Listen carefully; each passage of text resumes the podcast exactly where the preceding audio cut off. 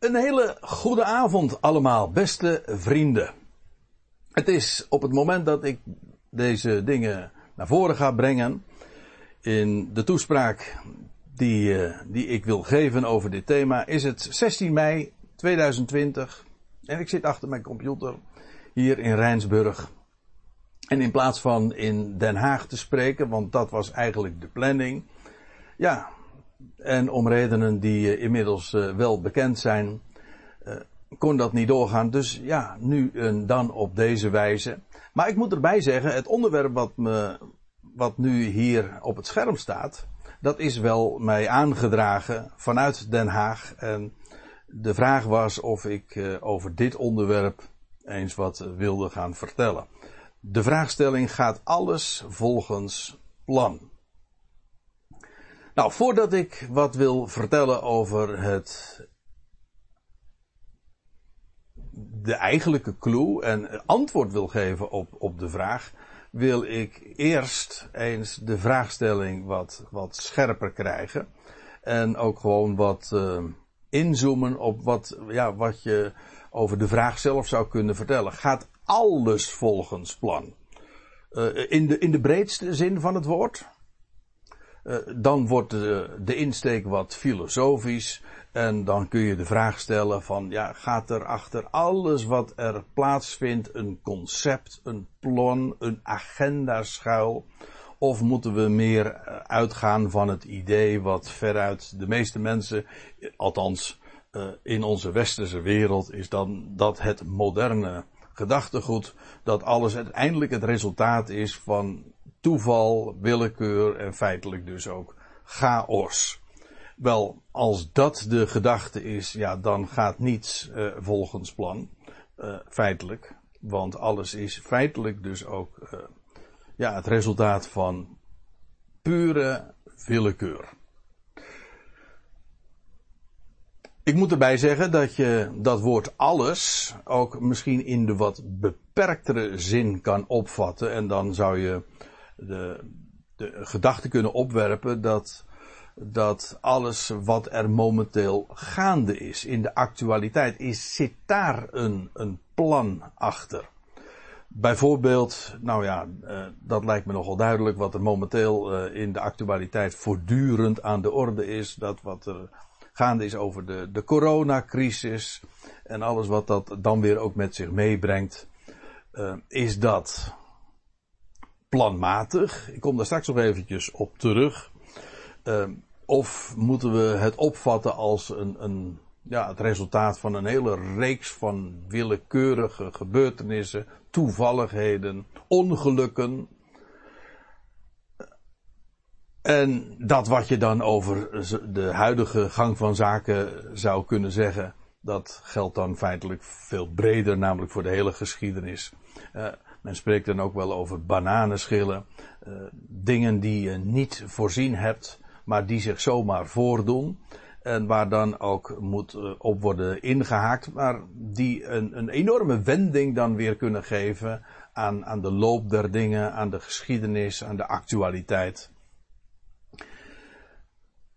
En om nog een ander aspect van de vraagstelling te benadrukken, namelijk dan de, de woorden te onderstrepen, gaat alles volgens plan. En dan moet je eigenlijk nog een andere vraag stellen. Ja, volgens plan van wie dan wel? Volgens welk plan? En ook dat kun je weer uit verschillende perspectieven dan bekijken. Het persoonlijke perspectief. Kijk, dan moeten we toch vaststellen dat heel veel in ons leven hoewel we gewoonlijk, als we tenminste nog actief deelnemen aan het, uh, aan het maatschappelijke bestaan, ja, dan hebben we een, een agenda nodig en dan plannen we de dingen. Maar we weten allemaal dat uh, die agenda zo dikwijls moet worden omgegooid. En nou ja, laat ik het uh, eventjes beperken tot een, een gebeurtenis als waar ik nu mee bezig ben. Ik zit nu achter de computer en ik hou een toespraak als deze. Maar een jaar geleden heb ik ooit met uh, de gemeente in Den Haag afgesproken dat we de samenkomst zouden uh, invullen. En dat ik, dat ik zou spreken daar uh, in een bijeenkomst. Dat was gepland. Maar het ging anders. En zo, uh, zo moeten zo dikwijls uh, dingen worden omgegooid. Vandaar ook dat we, en dat is een hele goede gewoonte, dat we dan vaak uh, erbij zeggen dat als we een plannen maken voor de dag van morgen of op de langere termijn, dat we zeggen een voorbehoud, en dan zeggen we het op zijn Latijns deo volente. Als God het wil. Of onze Arabische vrienden die zeggen dan inshallah. Als, ja, dat heeft dezelfde gedachte als, als God het wil. En dat is ook zo, want er, eh, zoals eh, dat ergens in spreuken staat, de mens overdenkt zijn weg, maar de Heere, Yahweh, hij bestuurt zijn gang. Dat wil zeggen, uh, zoals wij de uitdrukking ook kennen, de mens wikt en God beschikt. Wij maken zo onze overwegingen, wij hebben onze planningen, wij zetten dingen vast in de agenda en dan gebeurt er iets en dan moet het allemaal weer volkomen worden omgegooid. En ik weet niet hoe het met u is, maar uh, er waren al uh, ongetwijfeld vele mensen die zo uh, in de loop van de winter al plannen hebben gemaakt voor de zomervakantie.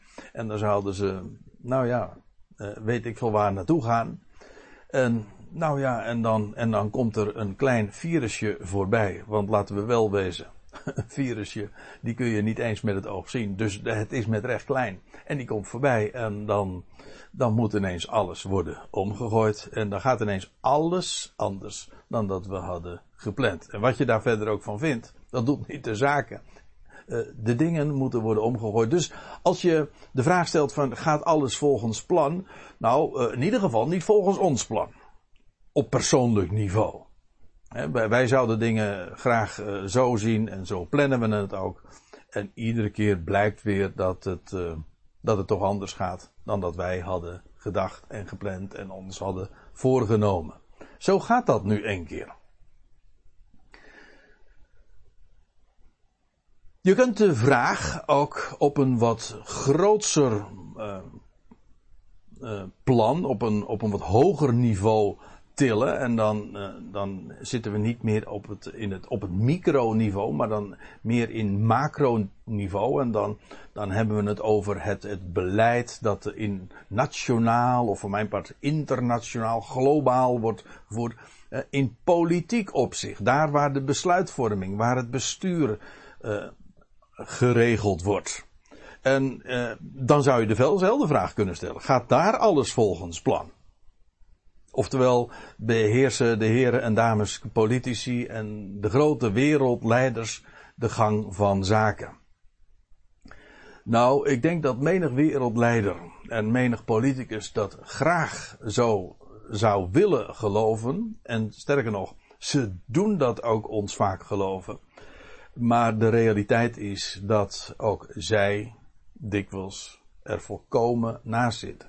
En ik weet zeker dat er wereldleiders zijn. En ik hoef niet alleen, en ik denk niet alleen aan, aan, aan de heer, uh, aan Donald Trump in, in Amerika, maar die had zich 2020 waarschijnlijk, in ieder geval de eerste helft, toch wel anders voorgesteld. Misschien dat het voor hem in november uh, uiterst uh, mee gaat vallen. Ik weet het niet. Ik doe daar, ook daar doe ik maar geen uitspraken over. Maar ik bedoel met dit te zeggen. Uh, ook dan ook voor zo'n man, een, een van de grootste mannen, de machtigste mannen van de wereld, die, die dan toch gewoon ook het nakijken heeft en die zich neer moet leggen bij gebeurtenissen die ook hij niet heeft voorzien. En ik noem nu de naam van Trump, maar ik had ook Poetin of weet ik veel wie. Uh, uit het wereldgebeuren die we, namen die we in de kranten lezen. Machtige leiders.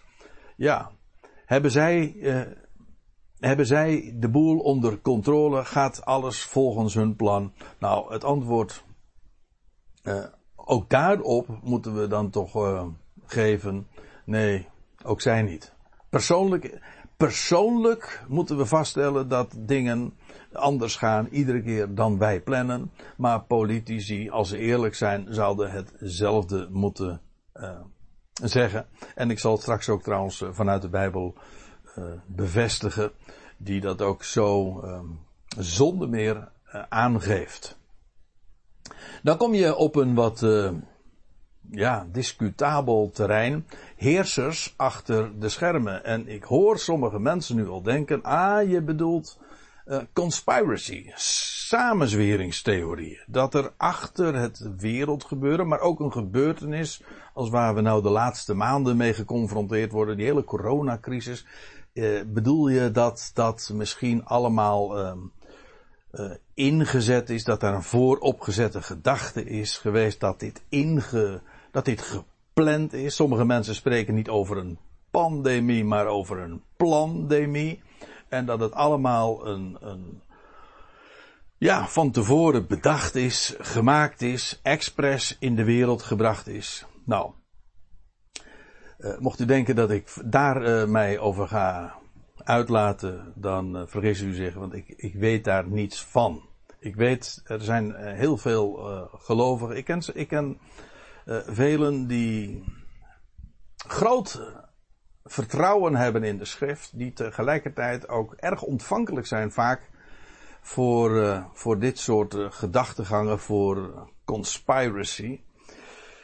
En ik moet er ook bij zeggen, ik, ik kan me dat ook wel voorstellen. En waarom juist bijbelgelovige mensen daar uh, ontvankelijk voor zijn, om de simpele reden dat ze weten dat deze Aion boos is en dat de leugen regeert. En dat de overste van deze Aion de vader der leugen is. En het meest karakteristieke in deze wereld is dat de waarheid ten onder wordt gehouden. En met dat in gedachten maakt dat je argwanend ten opzichte van de nieuwsvoorziening. En dat wat ons verteld wordt in de wetenschap, in de, in de gangbare opinies, daar zetten wij juist met de Bijbel, met de schrift, bij het licht van de schrift, zet je daar op voorhand al zo je vraagtekens bij. Is dat wel zo? Mogen we vanuit deze aion en dat wat daar allemaal wordt geventileerd en wordt, wordt, wordt geopperd, uh, moeten we dat zo serieus nemen? Dus ik moet zeggen, ik begrijp die argwaan ten opzichte van het nieuws.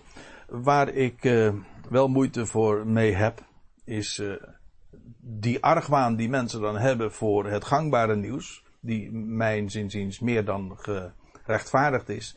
Uh, die, de, de, de kritische zin verdwijnt ineens wanneer ze allerlei speculatieve ideeën horen en dingen worden geopperd. En de wildste theorieën die doen soms de ronde. En een, een, een loutere bewering of suggestie of beschuldiging uh, is dan eigenlijk al, wordt al als zoete koek ingeslikt. En de kritische zin die men heeft ten opzichte van het gangbare nieuws, die verdwijnt ineens wanneer er uh, allerlei argwaan en conspiracy voorbij komt. En ik zou daar, misschien mag ik dan toch even gelegenheid uh, van de, die gelegenheid gebruik maken voor willen waarschuwen. Dat wil zeggen, kritisch zijn ten opzichte van het nieuws is heel goed. Het gangbare mainstream nieuws. Maar wees dat ook als het gaat om dat wat er allemaal geopperd wordt. En geloof iets pas wanneer het vaststaat. En argwaan ten opzichte van het nieuws is prima, maar dan ook als het gaat om het, dat alternatieve nieuws. Ook daarvoor, daar is zo enorm veel riool en zoveel bocht in, dat je, dat het soms, uh, mij bevreemd hoe gemakkelijk mensen dat dan weer voor zoete koek slikken. Niettemin de vraagstelling van zijn er achter de, de schermen niet duistere machten aan het, aan het werk, aan het opereren. Uh, die vraag zelf is uh, niet alleen maar gerechtvaardigd. Ik durf zelfs te beweren, uh, het, is ook, het is ook waar. Waarbij je trouwens wel moet zeggen, of uh, nog een andere vraag moet stellen. Als je het hebt over achter de schermen, uh, dat daar duistere machten in het spel zijn. Dan moet je de vraag stellen, op welk niveau dan wel? Ik bedoel, achter de wereldleiders die dikwijls toch niet meer dan pionnen zijn, gaan vaak weer andere personages of instellingen schuil die als uh, die eigenlijk aan de touwtjes trekken. De mensen met het geld die uiteindelijk uh, zo uh, het, het, wereldgebeuren ook kunnen sturen, juist omdat ja, geld is macht. En daarmee kunnen ze ook oorlogen beginnen en ze kunnen oorlogen ook weer beëindigen. Maar dat zijn niet de mensen, dat zijn niet de namen die in het nieuws komen. Maar als ik het heb over die duistere machten, doel ik niet eens in de eerste plaats daarop. Ik kan daar sowieso weinig van zeggen omdat dat nu juist uh, allemaal in het verborgene gebeurt. En dat onttrekt zich dus aan onze, ja, aan onze waarneming. Maar ik moet erbij zeggen, er zijn, als ik het heb over, heb over de, de machten en de overheden uh, achter de schermen, dan denk ik eerlijk gezegd wel, uh, en in, in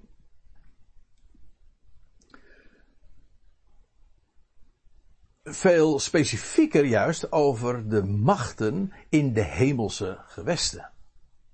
Daar spreekt de Bijbel namelijk ook over. Over de overste van de macht van de lucht. In de ether, dat is een mooie term trouwens in dit verband, dubbelzinnig. In de ether, eh, ook weer ontrokken aan onze waarneming. We zien dat niet met onze ogen. Uh, we horen dat niet mee, maar achter de schermen zijn er in de hemelse gewesten machten aan het werk en die inderdaad met een geest en met geest, met geestelijke dingen, en met, daarmee bedoel ik dingen die we niet kunnen zien, die daarmee invloed hebben op het hele wereldgebeuren. Maar ook op de hele nieuwsvoorziening. En op het feit dat, uh, dat er op een gegeven ogenblik, wij spreken ook over, uh, er waait een wind. En, en dat is niet te grijpen, Nee, maar het lijkt alsof iedereen, wereldleiders in kluis, daardoor worden meegenomen.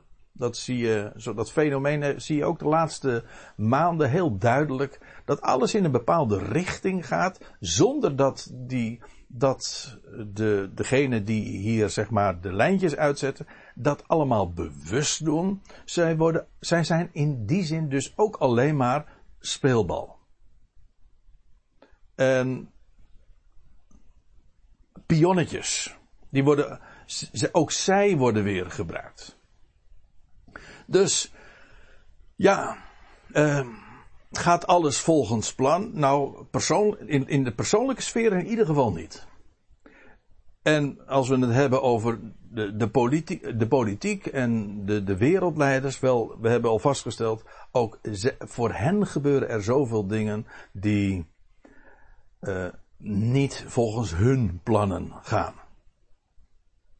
Trouwens, ik moet erbij zeggen dat wat dat laatste betreft, die plannen zijn, die belangen zijn ook zo tegenstrijdig. Want ja, uh, als uh, Trump denkt dat hij het in de hand heeft, dan, moet dat, dan is dat dus ten koste weer van een andere wereldleider, een man als Poetin of uh, de Chinese leiders, et cetera. Uh, die ook uh, zoveel macht hebben. Wel, uh, wie heeft dan het in handen? En dat, dat zijn dus allemaal verschillende belangen die strijden. Maar ze, ook zij kunnen niet hun plan trekken. Ook zij moeten gewoon erbij. zich erbij neerleggen bij het gegeven dat er dingen gebeuren die zij niet hebben gepland. En dan dat laatste. Achter de schermen gebeuren er inderdaad dingen hier op aardsniveau wellicht ook, dat geloof ik zeker. Uh, daar wil ik nu verder niet over uitweiden, maar uh, daar, zijn, uh, daar is heel wat over te melden. Maar het is wat tricky. En in ieder geval vanuit Bijbels oogpunt weten we dat er overheden en machten in de hemelse gewesten zijn die de, de, in de lucht, in de ether, in de media, in de geest van de mensen uh, sturend opereert. En zonder dat de mens zelf, op welk niveau dan ook, uh, daar zich van bewust is. Uh, maar waarbij ik nog iets wil bevragen, hebben zij alles in handen? Gaat alles dan volgens hun plan? En dan moet ik zeggen, nee, ook voor hen gebeuren er dingen die zij evenmin in de hand hebben. Dus hoe hoger het niveau is, persoonlijk, op politiek niveau en zelfs daarboven, eh, dat wat achter de schermen gebeurt, ook zij hebben te maken met factoren die ze niet kennen, die voor hen verborgen zijn. En nou kom ik uh, toch dicht bij wat ik wilde bespreken. En dat is eerst in 1 Korinthe 2. Daar schrijft Paulus het volgende. En ja, hij richt zich daar tot de Corinthiërs en dan, dan, dan spreekt hij over, over Gods wijsheid. Uh, hij zegt, ja, maar Gods wijsheid is in verborgenheid, is verhuld. Uh, cryptisch, ons woord cryptisch komt trouwens ook uit Grieks en dat, uh, dat heeft te maken met de woorden die hier ook worden gebruikt. Het is verborgen.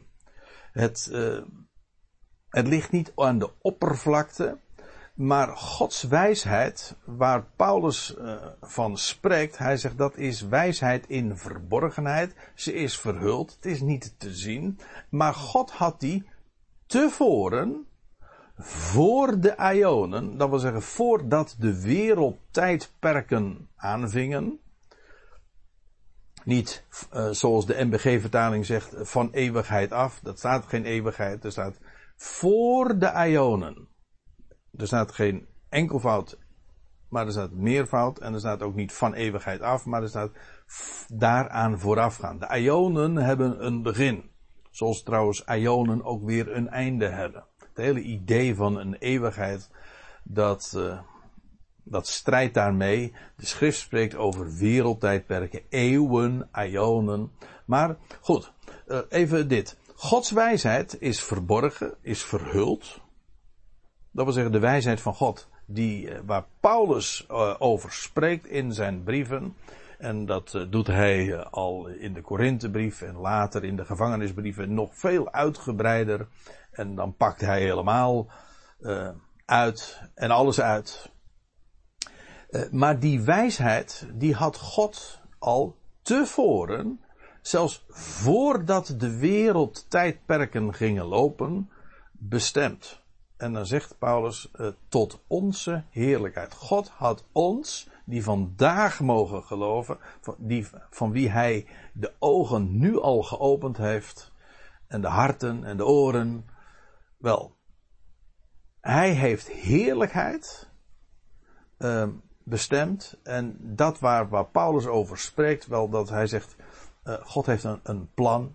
En tevoren al ver van tevoren, voordat de werelden er waren, uh, was dat allemaal al uh, bekend bij God.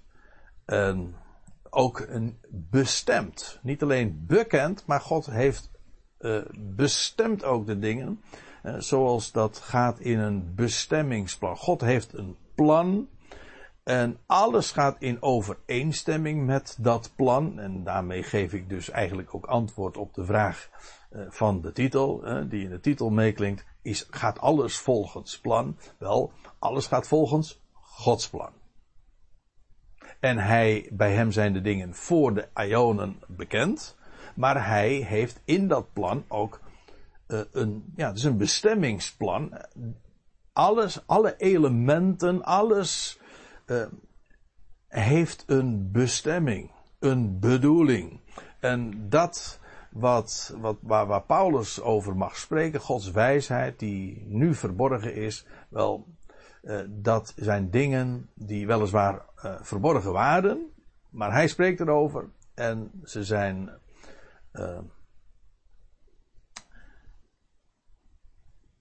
ze zijn bestemd tot onze heerlijkheid. En ik moet er trouwens nog iets bij zeggen, voordat ik nu verder ga. Die wijsheid van God, dat is niemand minder dan de opgewekte en ook verborgen Christus. Alles wat in hem uh, besloten ligt. Gods wijsheid, dat is Christus zelf. In, een, in het hoofdstuk hiervoor, aan het einde, daar wordt Christus ook zo genoemd. De, Jezus Christus, Gods wijsheid. En wel hij, het gaat dan om de, de opgewekte Christus die vandaag verborgen is. En alles wat in hem te vinden is en de zegeningen die in hem vastliggen en onze positie in hem, wel, dat is allemaal onze heerlijkheid. En dat is niet zomaar bij geval uh, bij ons terechtgekomen. Uh, of het is ook niet onze keuze geweest. We hebben het ons niet toegeëigend. Nee, dit is bestemd. En ver voordat wij er waren, had hij dat al zo bepaald en bestemd. En let nou eens op wat er nog bij staat. Want hij heeft het dus over Gods wijsheid in verborgenheid. En dan voegt hij er in vers 8 aan toe. Die geen van de overste van deze aion, van, dit, van deze aion, van dit wereldtijdperk, heeft geweten. Lees even goed mee. Paulus zegt, wij spreken Gods wijsheid in verborgenheid die verhuld is. Dus twee keer, dus dubbelop. Verborgenheid die verhuld is. En van die wijsheid zegt hij, die geen van de overste van deze aion heeft geweten. Dus deze aion, dit wereldtijdperk, wordt geleid, heeft uh, oversten, mensen die voorop lopen, degene die regeren, leiders. En dat kan op politiek niveau zijn, op aardsniveau zijn, maar het kan ook achter de schermen, waar ik al eerder over had, over de overheden en de machten de, in de, van de boosheid in de hemelse gewesten. Wel, zegt Paulus, wie dan ook, maar geen van de oversten van deze aion, dus iedereen die het in deze aion voor het, voor het zeggen heeft, Niemand van hen heeft geweten van Gods wijsheid. En ik wil dat graag onderstrepen. Ik heb het ook onderstreept hier in de tekst. Waarom? Omdat dat aangeeft dat ook zij die achter de schermen de dingen uh, bepalen en leiden en ook plannen, dat ook zij voor verrassingen komen te staan. Het is niet zo dat Satan alwetend is.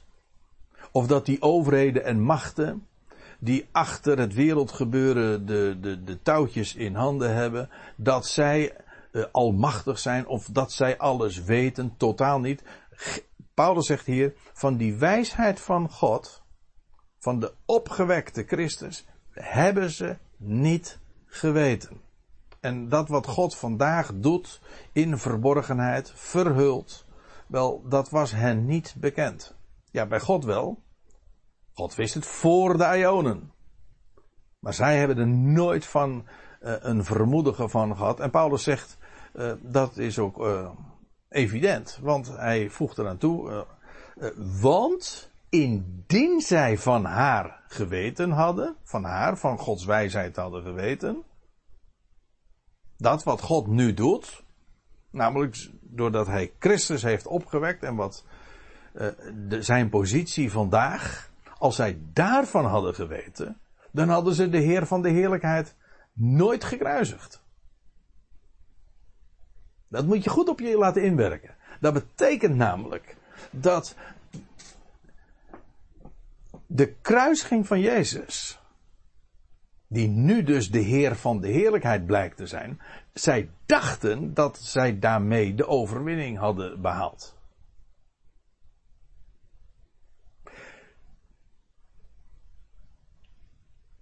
Wat gebeurde er echter op de derde dag?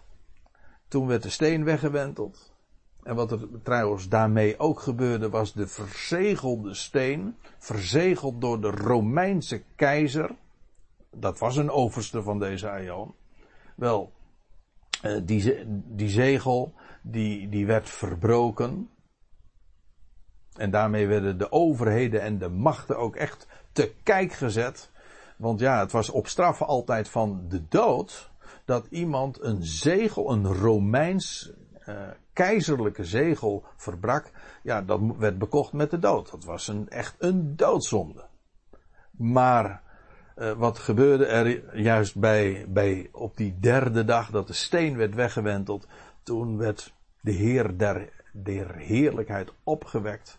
En in plaats van dat hij daardoor uh, gedood werd, was precies omgekeerd. Hij bracht juist op dat moment leven aan het licht en overwon hij de dood. Nou, als de oversten van deze aion, en dan hebben we het inderdaad over de oversten achter de schermen, in de eerste plaats. Als ze dat hadden geweten, dan hadden ze, neem me niet kwalijk, dan hadden ze nooit de Heer van de heerlijkheid gekruisigd. Met andere woorden, zij weten ook niet alles. Er gaan ook voor hen dingen uh, mis. Dingen die ze niet hadden gepland. En dit is een, een heel vrij voorbeeld daarvan. Hoe ook zij soms gewoon mistasten. Zelfs de overste van de macht der lucht had geen weet van de verborgen wijsheid van God. En met hun strategische plannen en u weet wat een strategisch betekent. Dat is, strateg, strategisch heeft ook te maken met het maken van plannen. Waarbij je ook de plannen van je tegenstanders al uh, betrekt. En daarin ook verwerkt. Net zo goed als bijvoorbeeld iemand die een, een groot meester in schaken, die heeft een, een tegenstander en die weet al, als ik dit doe, dan gaat mijn tegenstander dat doen. Of misschien gaat hij dat doen, maar in dat geval, dan neemt hij al mee vervolgens in de keuzes die hij maakt. En hij denkt alles, allerlei zetten uh, tevoren. En als je daar, die grootmeesters, die, die hebben een heel arsenaal aan, aan, aan opties. En daar houden ze allemaal strategisch rekening mee. En denk niet gering over de oversten van deze aion. Zij hebben een kennis waar, eh, waar gewone stervelingen geen weet van hebben. Hun kennis is overstijgt, dat zijn intelligentia, uh, waar wij geen vermoeden van hebben. De Bijbel spreekt daar uh, ook over. In die zin met grote ontzag, want zij weten zoveel meer. Ook van Satan weten we dat. Hij is een leugenaar.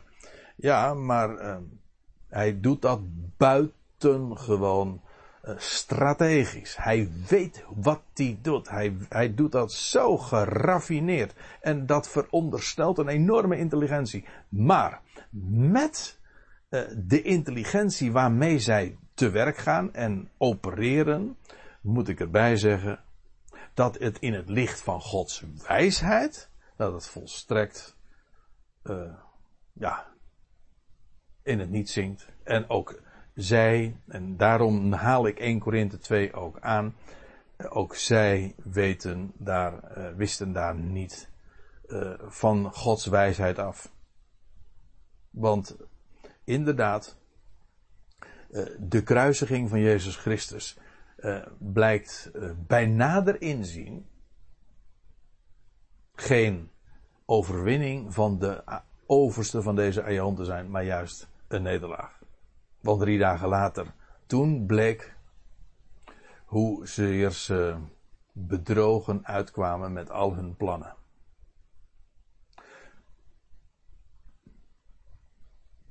Nou, ik wil u graag uh, meenemen nu naar een aantal schriftplaatsen, een drietal, eigenlijk een viertal over Gods plan. Ik, ik ga nog even terug in de PowerPoint en ik begin bij uh, Jezaja 40. Wat trouwens ook een vrij voorbeeld is van uh, hoezeer uh, ook de machthebbers hier op aarde uh, mistasten en ook maar ja, niet meer dan vlees en bloed zijn. Gewoon stervelingen en beperkt. Nou, Jezaja 40, wat een prachtig hoofdstuk is, waarin aan de ene kant Gods grootheid wordt afgezet. uh, tegen de, de menselijke kleinheid. En, en die twee worden gecontrasteerd. En dan wordt er dit gezegd in Jezaja 40. Hij, en dan gaat het over, over God, over Yahweh. Ik ben die ik ben. Hij geeft de machthebbers over ter vernietiging. De machthebbers. Zij die de controle hebben. Zij die de dingen bepalen. De bestuurders. Financieel. Politiek. Economisch. Hij God geeft de machthebbers over ter vernietiging en hij maakt de, de, de regeerders der aarde tot ijdelheid. Dit is feitelijk een, een, een, een parallelisme. Hier, dit zijn twee zinnen die parallel lopen. De machthebbers, dat zijn de regeerders der aarde. En vernietiging, dat is ijdelheid. Dan blijft er niks van hen over. Hoe machtig zij ook zijn en hoezeer zij ook de aarde en alles wat daarin is beheersen en regeren. Want staat er dan uh, in Jezaja 40, uh, nauwelijks zijn zij geplant, nauwelijks gezaaid, nauwelijks wortelt hun stek in de aarde, of hij blaast reeds op hen, zodat ze verdorren. En een storm neemt ze op als stoppels. Hier worden de machthebbers en de regeerders van de aarde vergeleken met kwetsbare stekjes. Zoals je uh, een, een, een, een, klein stukje van een plant neemt, een stekje, en, en je, je doet dat in de aarde en dat is zo weerbaar. En dat is zo kwetsbaar. En broos. Uh, wel, dat is wat ze zijn. Die die zelfkennis hebben de machthebbers uh, dikwijls zelf niet. Want ja, u weet hoe dat gaat. Als iedereen tegen je opkijkt.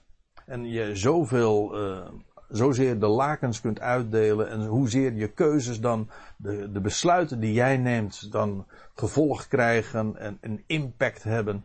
Dat, uh, ja, het valt niet mee om dan niet, te, niet arrogant te worden. En macht maakt ook arrogant. Maar ja, op het moment dat je omhoog gaat kijken naar de grote God en de schepper van hemel en aarde, ja, dan, dan, dan wordt het toch echt een heel lachwekkend verhaal. Want wat blijkt dan? Dat die machthebbers en regeerders niks anders dan uh, hele nietige stekjes zijn. Die kwetsbaar zijn en die zomaar, terwijl ze, ze, zijn, ze zijn geplant, zij hebben misschien hun strategische plannen en op de korte en op de langere termijn, u weet, regeren is vooruitzien. Zij maken hun plannen. Maar ach, ze staan en ze worden zomaar weer uh, om weggeblazen. En dan moeten ze weer plaatsmaken voor een ander. Wel, dat is wat de mens is. Ook de machthebbers en de regeerders stellen in zijn ogen niet meer voor dan wat hier uh, beschreven wordt. Hij blaast reeds op en zodat ze verdorren. En de storm neemt ze mee als stoppels, met andere woorden. Uh, dan blijft er niks van ze over. Dat is die ijdelheid dus. En mensen zijn, wij gebruiken het woordje ijdel dikwijls als, als uh, opgeblazen in de zin van uh, verwaand en, en dat je heel groots van jezelf denkt. Maar ijdelheid is eigenlijk lucht. Het, het heeft wel volume, het lijkt heel wat, het is bluff, maar het heeft geen massa, het heeft geen gewicht. Het legt ge geen gewicht in de schaal. Wel, dat is wat er hier van de machthebbers en de regeerders der aarde gezegd wordt. Goed, nou dan wil ik, uh, dit is dus wat uh, gezegd wordt over de, de, de overheden en de machten in, in de hemelse gewesten, over de achter de schermen, maar ook de machthebbers hier op aarde. Wel, zij kunnen allerlei dingen plannen, maar uh, ook zij moeten dikwijls overrekenen. En helemaal weer, ook helemaal tot de erkenning komen dat hun plannen zomaar weer vergaan. Nou, dan komt het nu eigenlijk op, een, de aanloop heb ik gemaakt op, de, op het echte antwoord. Namelijk, gaat alles volgens plan? Nou, het antwoord uh, tot dusver dus is, als het gaat om mensen, op microniveau, macroniveau. En zelfs als het gaat over schepselen, uh, machthebbers, wezens, creaties uh, in het hemelse, waar wij verder ook geen weet van hebben. Maar ook zij, welke creatie ook, zij weten niet alles. Ook zij maken hun plannen en, moet, en worden daar dikwijls in gedwarsboomd. Dat is dus een, in feite een creatuurlijk gegeven. Dat wil zeggen, het is eigen aan het schepsel zijn. Een mens eh, maakt plannen. Een schepsel, zelfs geestelijke schepsels, grootse intelligentia, die, die, eh, die de mens ver achter zich laten qua denkvermogen en, en, en intelligentie en inzicht, doorzicht, etc. Ook zij maken plannen die worden doorkruist. Er is er slechts één, en dit is ja, waar het eigenlijk al, waar het antwoord op uitloopt. Er is er één die een plan heeft en dat faalt nooit. Daar zou ik vele voorbeelden van kunnen geven. Maar ik beperk me tot een drietal schriftplaatsen. Nou, als je uh, twee of drie getuigen, dan, dan staat een zaak vast. Dus als ik dit gewoon vastgesteld wil hebben, dan voelde ik me verplicht om een drietal schriftplaatsen in deze te noemen. Ja, als je eenmaal uh, één uh, begrip en, uh, hebt gekregen van, van het gegeven dat Hij God is, ja, dan, dan, dan is dat zo logisch. Het is eigenlijk ook theologica. Het, is, het vloeit voort uit het gegeven dat hij God is, de theos, de, de, de plaatser. Wel, als hij inderdaad God is en hij alles een plek geeft, de plaatser is, ja, dan kan het niet anders dan dat alles ook in overeenstemming is met zijn plan. Dat is logisch, maar ik wil het ook laten zien. De schrift onderwijst dit ook expliciet en bij vele gelegenheden. Ik noem drie schriftplaatsen. In de eerste plaats Jesaja 46. En daar staat in vers 10. Daar is God zelf aan het woord. Jesaja voert God sprekend in. En dan staat er ik. En dan gaat het dus over Yahweh, over God.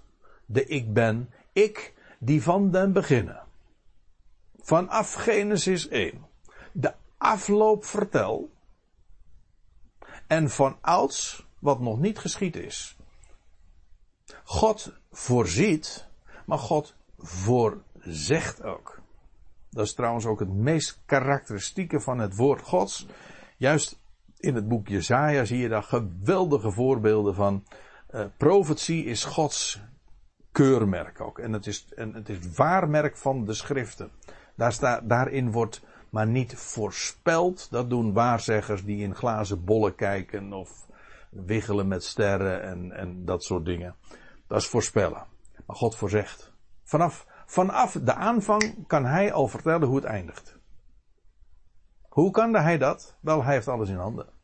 Hij heeft alles onder controle. En daarom kan hij ook van ouds al vertellen wat nog niet geschied is. En dat is wat profetie ook is. Dat is feitelijk vooruitgesproken geschiedenis. Wij, wij spreken over geschiedenis als dat wat geschied is. Maar God voorzegt, voorzegt de dingen tevoren, duizenden jaren tevoren, vanaf het begin al, hoe het zal zijn. En dat is goddelijk. Dat is Hij. En Hij heeft een. Uh, hij is met recht alwetend. Niets gaat buiten zijn kennis om.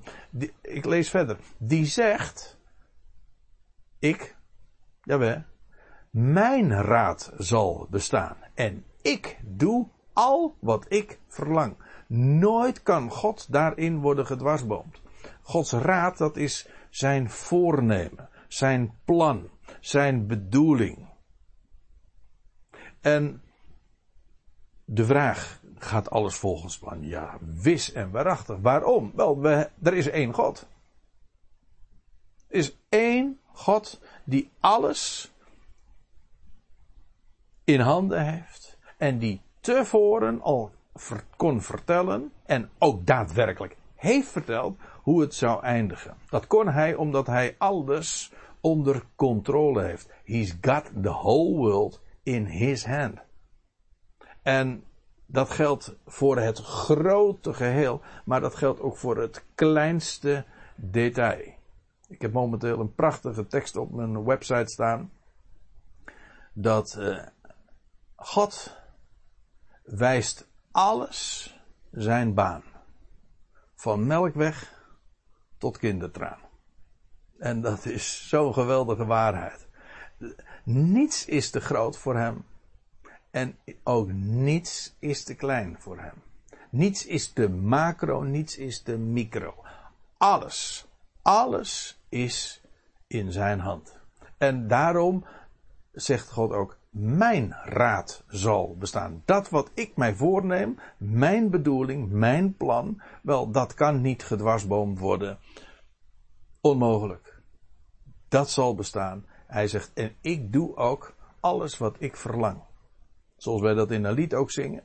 Wat zijn liefde wil bewerken, dat ontzegt hem zijn vermogen niet.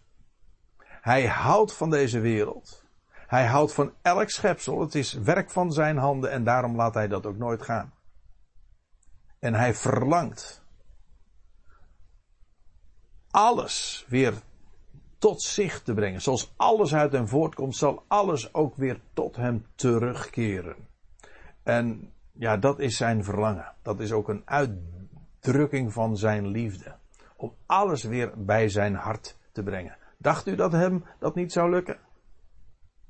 Als zijn liefde dat wil bewerken, zou hij daartoe dan niet in staat zijn om dat daadwerkelijk te realiseren? Dat is glad onmogelijk. Getuige nummer twee. Als het gaat over of alles volgens plan is. En het antwoord is jazeker. Alles gaat naar Gods plan.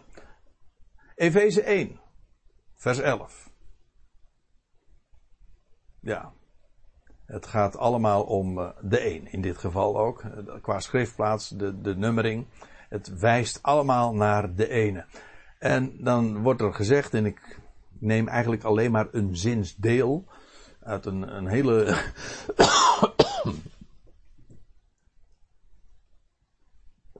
Uit een lange tekst. Efeze 1, dat, is, dat zijn eigenlijk maar een paar, uh, paar zinnen.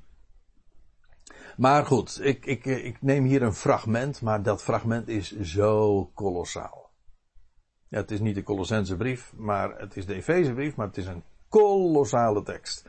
Want er staat er dat, hij, dat naar, er wordt gesproken over Gods voornemen, zijn plan, die naar zijn voornemen, naar, namelijk naar hem, die in alles, tapanta, in het al, inwerkt naar de raad van zijn wil.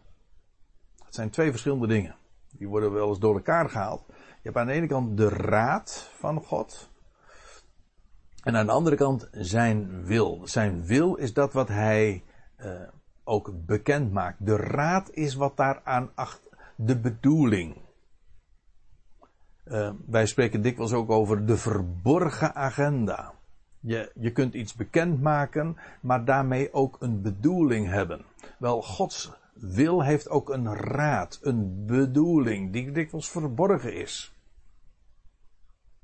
Om maar één voorbeeld te geven. Uh, in uh, Romeinen 9, daar lees je dat, dat God zijn wil bekend maakte aan, aan Farao.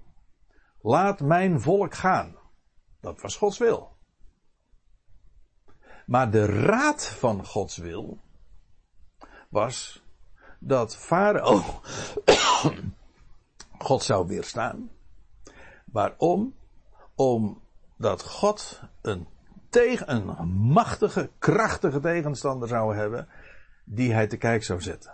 En om zo zijn macht te demonstreren. En zo kreeg de, de farao de oneervolle taak om Gods tegenstander te zijn en daarmee dienstbaar te zijn aan het, het demonstreren van Gods macht.